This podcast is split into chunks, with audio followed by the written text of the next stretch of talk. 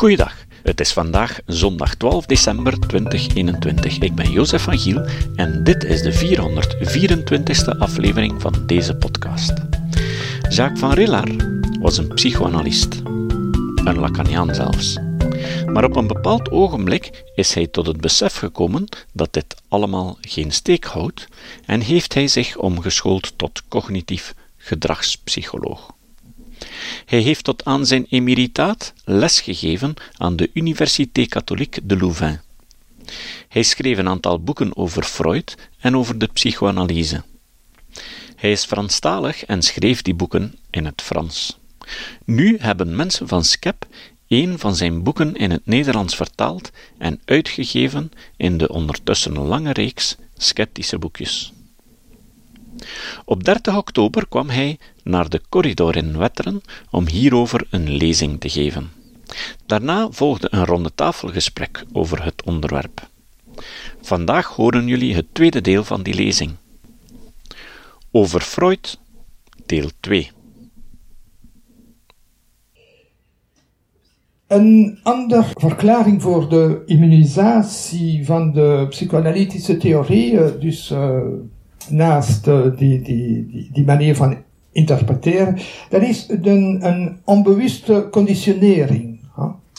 Uh, Freud had dat niet kunnen begrijpen, of hij, hij, had het niet goed begrepen, hoewel men in, in die tijd veel van suggestie spraken.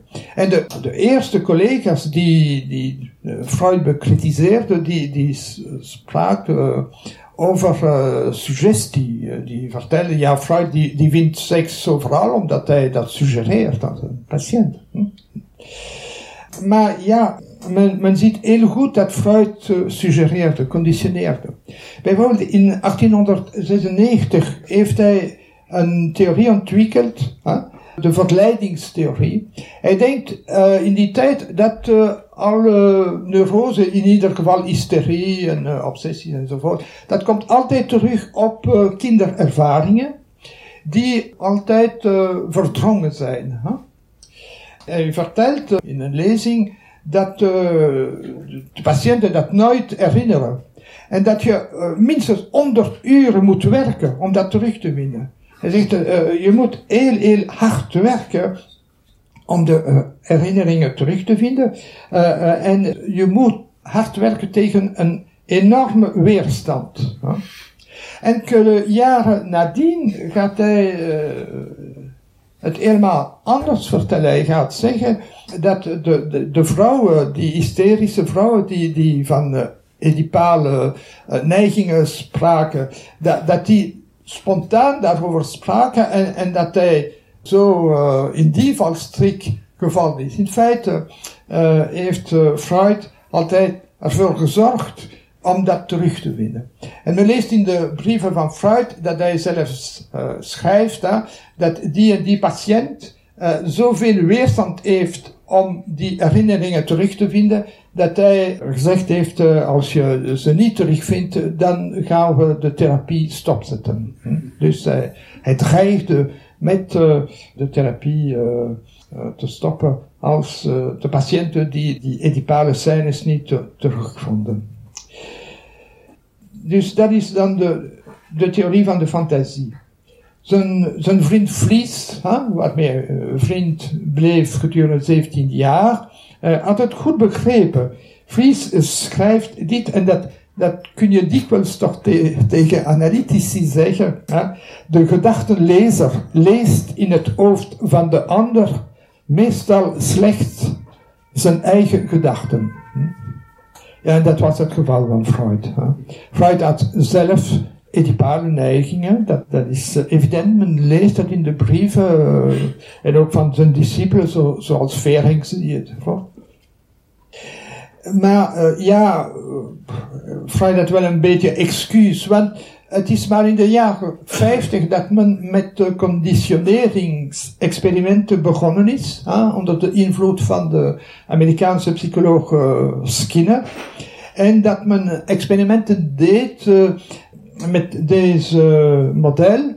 Dus een, een psycholoog krijgt twee groepen studenten. En met één groep studenten gaat hij één thema goed bekrachtigen. Dus iedere keer dat, uh, ja, hij vraagt aan de studenten om herinneringen van de, de jongste jaren terug te vinden. En wanneer in één groep de student spreekt over familieleden, dan gaat de psycholoog zo een mm -hmm, hij gaat een beetje mompelen of zo, zeggen aha, aha. En uh, in de andere groep uh, studenten gaat hij hetzelfde doen, ook zo mompelen, wanneer er sprake is van mensen die, die geen familieleden zijn. En men ziet natuurlijk na één uur dat uh, in ene groep dat, er, dat, dat de studenten veel meer over hun familieleden gesproken hebben en in de andere groep natuurlijk van andere mensen. Er zijn ook analyses gemaakt van uh, therapieën, vooral bij Carl Rogers, die zijn therapie liet opnemen. En men ziet ook hoe de, de therapeut reageert op zekere thema's en hoe hij ook dan uh, een klein signaal geeft, hè? zelfs zonder te spreken, maar met te mompelen of, ofwel met een vraag te stellen enzovoort. En dus daarmee komen altijd de thema's die in de theorie staan van de, de therapeut, die thema's komen dan terug. En het is het geval natuurlijk bij alle therapeuten, je moet het weten. Hè? En dus je moet weten dat je, als je zwijgt, dat je op een zekere wijze conditioneert. Hè? Dus uh, wanneer je zwijgt, ja, dan, uh, dan weet de patiënt dat wat hij vertelt zonder, zonder belang is. Hè? Dat wist ik goed toen ik in analyse was, een analyticus die op een hele tijd had ik geen enkele klank van zijn stem of ook niet dat hij iets opschreef. En dan ik begon van zekere thema's te spreken en uh, ik, ik, wist wat, wat, hem interesseerde. En dan ineens uh, had ik wel de indruk dat hij wakker werd. Dat hij, hij, hij, was dus op een zekere wijze conditioneerbaar. En dat is dus een derde factor van het geloof in de theorie door de analyticus, dat is de wederzijdse conditionering. Hè. De analyticus conditioneert de patiënt, maar de patiënt conditioneert ook de analyticus. Want hij vertelt altijd zaken die de analyticus interesseert. Hè? Dus uh, je hebt hier een, een mooi beeldje van Skinner, hè? van twee ratten. Uh, die dat zegt tegen zijn makker. Hè? kijk, als ik op de hendel veroorzaak ik een reactie bij de psycholoog. Hij geeft me dan een vleesballetje. Dus we, we, zijn geconditioneerd, maar wij conditioneren ook de anderen. Dat ziet me heel goed ook uh, in de opvoeding. Dus de, de, de ouders proberen kinderen te conditioneren, maar ze zijn ook geconditioneerd door de reacties van de ouders. Hè. En dat is wat natuurlijk gebeurt in de analyse. Hè. En, en zo heb je uh, wanneer je uh, gevallen leest, gepubliceerd door Freud, is het altijd over seks. En bij Jung ja, over ar archetypen. Bij Adler is het altijd de, de geldingsdrang en, enzovoort. Die de, de, de patiënten, de patiënten uh, vertellen altijd de theorie van de analyticus. Ja, op het einde van zijn leven heeft Freud dat toch min of meer zelf erkend maar op het einde van zijn leven. Hij erkent dus dat uh, de psychologie van het onbewuste is per definitie speculatief. Want je kunt nooit het uh, onbewuste direct waarnemen. Het zijn altijd, zegt hij zelf, inferenties. Hè? En hij voegt eraan toe met welk recht en met welke graad van zekerheid we zo'n deducties kunnen afleiden blijft voor elk geval apart natuurlijk kritisch na te gaan. Het valt niet te ontkennen dat de beslissing enorm problematisch is, wat ook tot uiting komt in het gebrek aan overeenstemming tussen de analytici.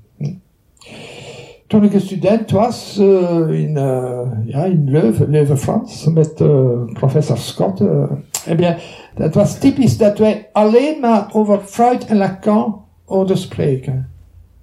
Absoluut niet van Jung, niet van Adler. Geen enkel, in die tijd heb ik persoonlijk geen enkel boek van Adler of van Jung of van, van andere analytici gelezen. Het was altijd maar Freud, Freud, Freud en een beetje Lacan, Lacan, wat, wat men kon begrijpen natuurlijk. Ja, is de psychanalyse een hermeneutische wetenschap? Ja, dat hebben uh, zeker uh, filosofen uh, natuurlijk beweerd, gesteld. Maar ja, men kan dat zeggen. Freud zelf dacht dat hij een natuurwetenschap maakte. Hè? Maar ja, men kan zeggen het, het is een hermeneutiek. Maar men kan ook zeggen het, het is een slechte hermeneutiek. Een slechte hermeneutiek. Want hij, hij trachtte geen alternatieve verklaringen te maken. Hij veranderde niet van theorie wanneer, wanneer er nieuwe feiten kwamen enzovoort. Een woordje over de theorie, we gaan daar niet te lang over hebben, maar enkele woorden toch. Eerste vraag, uh, zijn de theorie van Freud uh, een collega, eh, professor in de psychiatrie in Freiburg, eh, die, die las de, de werken van Freud. En die zei, ja, bij, bij Freud zijn er goede zaken, maar het goede is niet nieuw. En wat bij Freud nieuw is, is niet goed. En ja, de, de eerste keer dat ik dit las, toen ik nog jong assistent was en nog analyticus, vond ik dat uh, een beetje belachelijk. Maar ja, uh, toen ik dan het boek van Ellenberg las, Discovery of the Unconscious, ik heb in het Frans gelezen. Ja, het is een zeer dik boek, zoals je ziet, in het. Uh, een beetje meer dan 900 bladzijden, in Frans uh, 1000 bladzijden. En uh, daar ziet men dat men over het onbewuste spreekt al in de oudheid. Huh? bij een heleboel filosofen, vooral bij Leibniz, ook bij Descartes en zo, zelfs als men niet het woord onbewust gebruikt, het idee van het onbewuste is helemaal banaal geworden, toch op het einde van de 19e eeuw. En uh, uh, het is zelfs zo, zo ver gekomen dat William James, de vader van de, van de Amerikaanse psychologie, een hoofdstuk schrijft in zijn zeer dik boek van 1400 bladzijden. Hij heeft een meerdere bladzijden over de verschillende manieren dat men het onbewuste presenteert. Hè? Uh, hij spreekt van Schopenhauer, van Nietzsche, uh, van Binet, van Janet. Hij spreekt niet van Freud, want wanneer uh, James in 1890 zijn boek schrijft, heeft Freud nog praktisch geen enkel artikel over psychologie geschreven. Huh? eerste artikel van Freud over psychologie is 1888. De waarschuwing van William James is nog altijd te herhalen. Hij schrijft het onderscheid tussen onbewuste en bewuste mentale processen is een wondermiddel waarmee je in de psychologie alles kan veronderstellen dat je wil. Ja, natuurlijk zijn er uh, onbewuste processen. Moest alles bewust zijn, dan hebben we geen psychologen nodig, geen onderzoekers. Hè? We zijn niet bewust van al wat we doen. En we zijn zeker niet bewust van de redenen waarvoor we het doen. Hè? Dat hebben heel veel filosofen, dat vind je al bij Seneca. En, uh, dus er zijn uh, onbewuste processen, natuurlijk. Hè? Ik moet niet nadenken over de manier uh, dat ik spreek. Hè? Ik volg een hele reeks regels. Hè? Dat ik uh, min of meer moeilijk heb moeten leren toen ik jong was. Dus dat allemaal is geautomatiseerd, is onbewust geworden. Maar men moet toch uh, voorzichtig zijn met zekere manieren van het onbewuste te presenteren. Het onbewuste van Freud is een van de uh, meerdere onbewuste uh, die er zijn. En Freud heeft een manier van spreken van, van het onbewuste dat het substantialiseert, uh, dat er een ding van maakt. hij schrijft op een zekere tijd, schrijft hij, er is een andere in ons. Dat is niet de gedachte van, van de hedendaagse psycholoog. Er zijn processen waarvan men niet uh, bewust zijn. Er zijn experimenten in ons leven die natuurlijk doen dat, dat wij zo en zo handelen. Dat, dat is evident. Maar Freud, in het begin van zijn werk, gaat hij het woord onbewust gebruiken als adjectief of bijwoord. En het gaat uh, nogal vlug uh, een substantief worden. En ja, wat steekt er dan in uh, dat onbewuste van Freud? dat zijn driften en dat zijn gebeurtenissen van in de kindertijd en vooral problemen met seksualiteit, met Oedipus en met bang zijn om gecastreerd te zijn. Freud is vooral een theoreticus. Hè? Hier zijn citaten, ja, we zullen maar vlug daarover gaan. Hij zegt, sinds mijn jeugd heb ik geen ander verlangen gekend dan naar filosofische kennis. Eh, en dan uh, een beetje later schrijft hij, ik ben helemaal geen man van wetenschap, geen waarnemer. Ik ben een avonturier, een ontdekkingsreiziger. Dat is juist. Hè? Dus Freud is uh, absoluut geen nauwkeurige waarnemer van de gedragte. Het is, het is een rationalist in, in, de, in de slechte zin van het woord. Hè. Hij, hij, maakt theorieën van, van wat hij gelezen heeft. Hè. En, maar de praktijk, dat dient vooral om uh, zijn theorie te bevestigen. De, de, zijn theorieën die komen niet uit zijn waarnemingen, toch niet zoveel. En dat is het geval van het Oedipus-complex.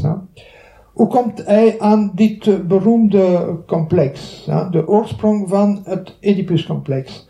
Wel, zijn vriend Willem Vlies schrijft dat zijn, zijn zoon, zijn kleine zoon, de moeder naakt heeft gezien en dat hij een erectie gekregen heeft.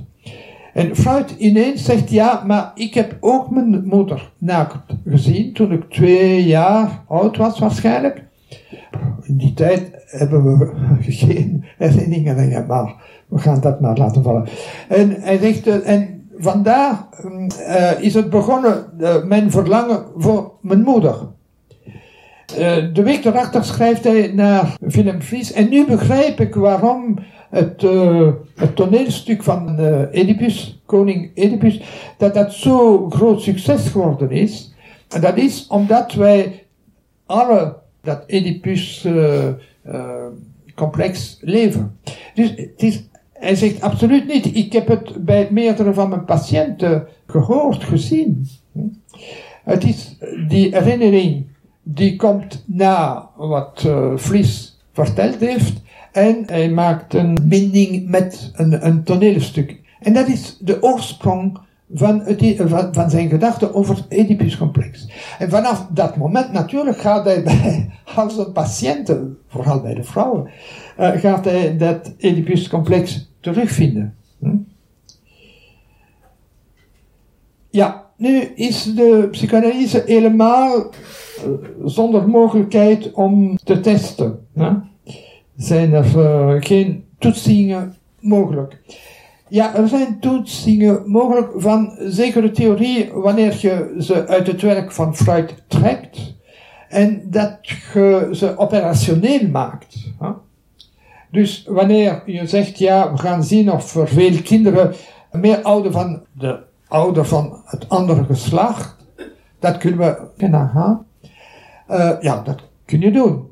En dan vind je wel uh, een zekere statistiek. Maar dat is niet wat Freud eigenlijk vertelde. Hm? Er zijn dus psychologen die dat geprobeerd hebben vanaf de jaren uh, 30, 40. Hè? Dat zijn de twee van de voornaamste boeken over de wetenschappelijke uh, toetsingen van Freudiaanse theorieën. Maar ja, wat ze daar hebben proberen te toetsen, dat is niet juist, juist wat Freud vertelde natuurlijk. Hè? En de, de, de analyticus kan altijd zeggen, ja, dat dat is niet uh, de echte psychoanalyse. Hm. Bijvoorbeeld, uh, een, een vrij voorbeeld. Freud zegt, hij schrijft dat de jongen een sterkere uber-ich heeft. Huh? een geweten, hè, als u wilt. Waarom? Want, zegt hij, het geweten dat komt uit het Oedipuscomplex. En bij de jongen is het Oedipuscomplex veel heviger, want de jongen is bang dat de, de vader hem zou castreren. Uh, natuurlijk voor het meisje uh, is er geen probleem, zij is gecastreerd. Hè? En uh, dus omdat er voor de jongen een veel grotere gevaar is, gaat het uberig sterker zijn. Ja, als men nu kijkt naar het feit of dat meisjes minder of meer geweten hebben als jongens, dat verschilt een beetje van, van één, uh, één plaats op ander, maar in het algemeen uh, hebben de meisjes nog een, een beetje meer we, geweten als de jongens. Dus die theorie valt weg. Ja, we gaan, uh, want ik zie dat de tijd uh, voorbij gaat. We gaan niet spreken over de Freudiaanse overdracht. We kunnen daarover terugkomen. En woord je over de dromen, waar men ook heel, ja, in de overdracht ziet men ook. Freud vertelt dat er een patiënt op hem verliefd is en dat hij tegen de patiënt zegt, maar je bent niet verliefd op mij, je bent op iemand anders verliefd. En hij vertelt dat vanaf die dag hij begrepen heeft dat de gevoelens van de patiënten in, in de therapie, dat, dat die altijd naar iemand anders gericht zijn en vooral naar de ouders. Wat men dus ziet, in dit geval, zoals in vele andere, dat Freud altijd veralgemeen, generalist. Hè? Het is ook zo voor de dromen. Hè? Diegene die een boekje van Freud gelezen heeft, waar hij spreekt over de dromen, hij zegt, alle dromen zonder uitzondering zijn altijd wensen. Hè? En wensen die in verbinding staan met de kinderjaren. Maar ja, wat dan met nachtmerries? Hè?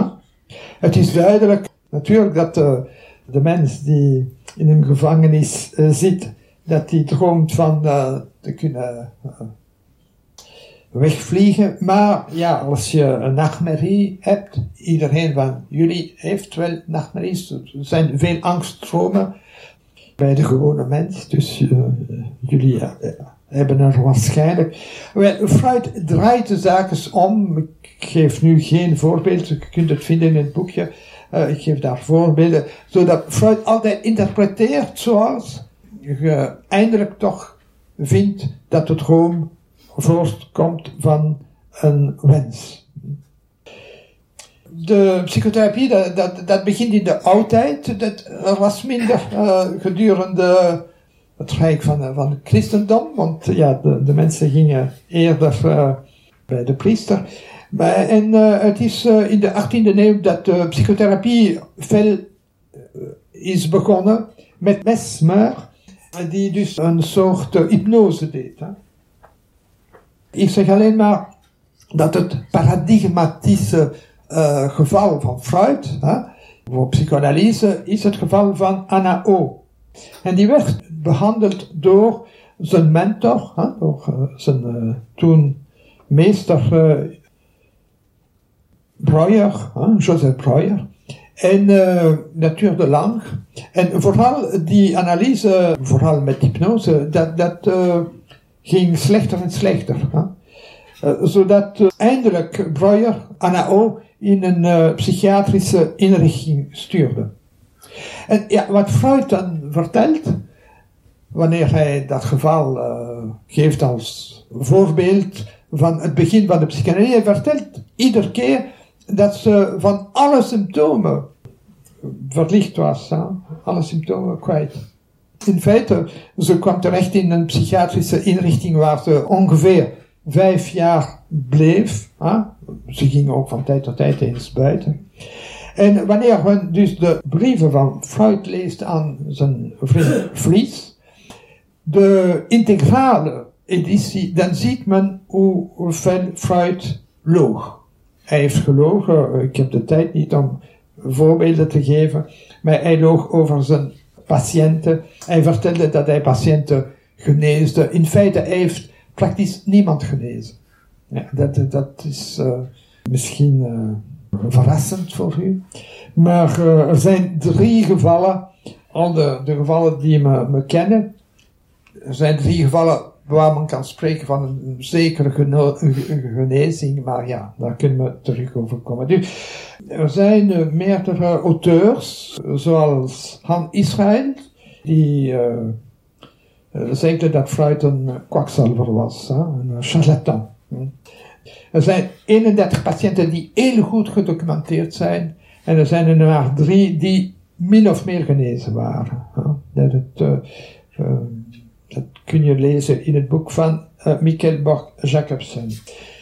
Toch nog één woordje over het feit dat Freud leeranalyse werd. Dus het beroep van in de jaren 10, 20 deed Freud praktisch geen enkele behandelingen meer. Hij had het heel mooi uitgevonden. Hè? Enfin, het was de idee in het begin van Jung. En hij deed alleen maar leeranalyse. Wat veel geld opbracht, want hij nam in uh, analyse, in leeranalyse, uh, alleen maar Amerikanen en, of, of rijke psychiaters. Dus hij schrijft bijvoorbeeld naar Vlies. Hè. Al mijn tijd wordt in beslag genomen door Engelse en Amerikaanse artsen. Ik werk nu voor dollars en ik kom er niet meer toe nog iets anders te doen. Dus hij nam geen enkele patiënt meer aan. Voor Lacan is het een echte business geworden. Dus je kunt het, een artikel die ik uh, in Frans schreef en die vertaald werd in uh, een tijdschrift uh, over de leeranalyse bij, bij Lacan, die een echte business werd. Lacan maakte ongeveer tussen 60 en 80 uh, leeranalyse per dag. Dus de, de patiënten, of de toekomende analytici, kwamen op zijn uh, divan. Ze zeiden goedendag. Ze zeiden twee, drie woorden. En Lacan zegde ja, heel goed, tot morgen. En hij nam het geld altijd natuurlijk cash, in cash. Natuurlijk. Dus hij is er rijk van geworden. En, ja, welke is dan de, de waarde van de psychotherapie? Ja, het is te moeilijk te zeggen, want bijvoorbeeld in Frankrijk zijn er meer nu dan 30 verschillende scholen van uh, psychanalyse. Hm? En dus uh, die hebben allemaal verschillende manieren om een beetje te werken. Het is moeilijk om, om, om dan te evalueren. wat men kan zeggen, dat mensen soms toch beter gaan met psychanalyse. Zeker. Misschien uh, tussen jullie zijn er. en dat is dan, dan te danken, denk ik, met vele anderen, aan uh, niet specifieke factoren van psychotherapie. Uh, ieder mens die in psychotherapie gaat en die denkt dat het gaat werken, heeft kans dat het toch een beetje beter gaat. Niet altijd, want men is soms zeer teleurgesteld en dan gaat het soms veel slechter. Maar ja, als je affectief contact krijgt, dat je uh, de indruk hebt dat je goed uh, begrepen bent, uh, dat je minder schuldgevoelens hebt en zo, dat gaat allemaal wel werken. En dus voor kleine neurose, Freud zegt zelf tegen Kardiner, dat zijn psychanalyse werkte alleen maar voor kleine neurose. En ja, voor kleine problemen uh, kun je zeker bij de analyticus, als hij vriendelijk is en niet te duur, waarom niet? Hè? Er zijn ook verslechtering-effecten, die, die ook nu goed bestudeerd zijn voor alle therapieën, maar vooral voor psychanalyse zijn er ook veel mensen die minder goed eruit komen. We gaan wat debatteren, hoewel dat Freud uh, zelf zei tegen zijn vriend Priester al in 1911, hè, heel vroeg. Het is zo goed als onmogelijk om de psychoanalyse publiek te verdedigen. Elk debat is even hopeloos en vruchteloos als een theologische controverses tijdens de reformatie. Hm? Ja, men, uh, maar ja, uh, we zullen zien, moest er een uh, hevige Freudiaan hier zijn of we een soort theologische controverse zou maken. Psychanalyse heeft uh, vooral nog succes in Frankrijk. Zoals u ziet, uh, in hetzelfde jaar, 1999, maakte Time een speciaal nummer over Freud. Je ziet hoe, hoe hij er nogal slecht uitkomt, is Freud derde. En hetzelfde jaar uh, kon je lezen in uh, een van de voornaamste tijdschriften in Frankrijk, Freud, l'homme du siècle. Ik dacht dat het Einstein was of zo. Nee, nee, is Freud. Hè? Voilà, als je meer wilt weten, uh, zijn boeken waar je meer kunt lezen als in mijn eigen boek, hè? de boeken van Philip Beukens. Hè? Dat is dus mijn boekje over Freud. In Frans is het dubbel. Ik ga publiceren binnen drie weken de la psychanalyse met meer dan 400 bladzijden. Dus daar staat veel meer in als wat ik vandaag verteld heb. Hm. Voilà. Ah ja, ik heb hier nog, ja, dat is, uh, ik weet niet of iedereen Lacan uh, kent van zijn gezicht. Hij zit hier met een, met een fallische symbool te bekijken. En dat was wanneer hij naar Leuven kwam. Je ziet daar Jacques van Rilla, ik, was in de, de zaal. En zoals u ziet, de meeste mensen lachen, maar ik niet. ik, ik vraag mij, is die man toch niet een beetje gek? Maar ja. Zo, ik heb het voornaamste toch gezegd. Dat, dat, dat op het einde van zijn leven maakte Lacan uh, een soort uh, wiskunde, uh, logica. In feite niemand begreep het praktisch. of diegene die zeiden dat ze begrepen. We moesten ze niet serieus nemen. Oké, okay, wel, uh, ik heb het niet te lang gemaakt. Ik heb toch het voornaamste verteld wat ik wilde zeggen. Maar we kunnen natuurlijk nu nog een beetje over uh, discussiëren. Dank u wel. Ja, dank, dank u voor de aandacht. Uh, ik hoop dat het helemaal niet klopt, hè? maar u heeft dus uh, mij verteld voor de lezing dat het misschien wel uw laatste lezing zou zijn, gezien leeftijd en gezondheid enzovoort. Ik, ik hoop absoluut dat dat niet klopt. Maar indien wel, dan hebben wij hier een historisch moment beleefd, hè, niet waar? Dus nogmaals hartelijk dank dat je dat toch nog voor Dank je wel. Voilà.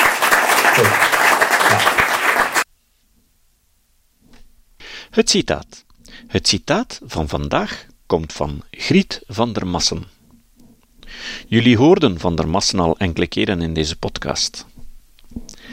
Griet van der Massen zei: Wetenschappelijke conclusies moeten op een zorgvuldige evaluatie van alle relevante literatuur zijn gebaseerd. Anders is het geen wetenschap, maar ideologie. Tot de volgende keer. Dit was de podcast Kritisch Denken. Vergeet niet om alles kritisch te behandelen, ook deze podcast. Voor verdere informatie over deze podcast, links en voor de tekst, surf naar www.kritischdenken.info. Als je deze podcast belangrijk vindt, kun je me steunen door anderen warm te maken ook eens te luisteren. Stuur een e-mail naar vrienden met een link naar de website en plaats de link in de handtekening van je e-mails.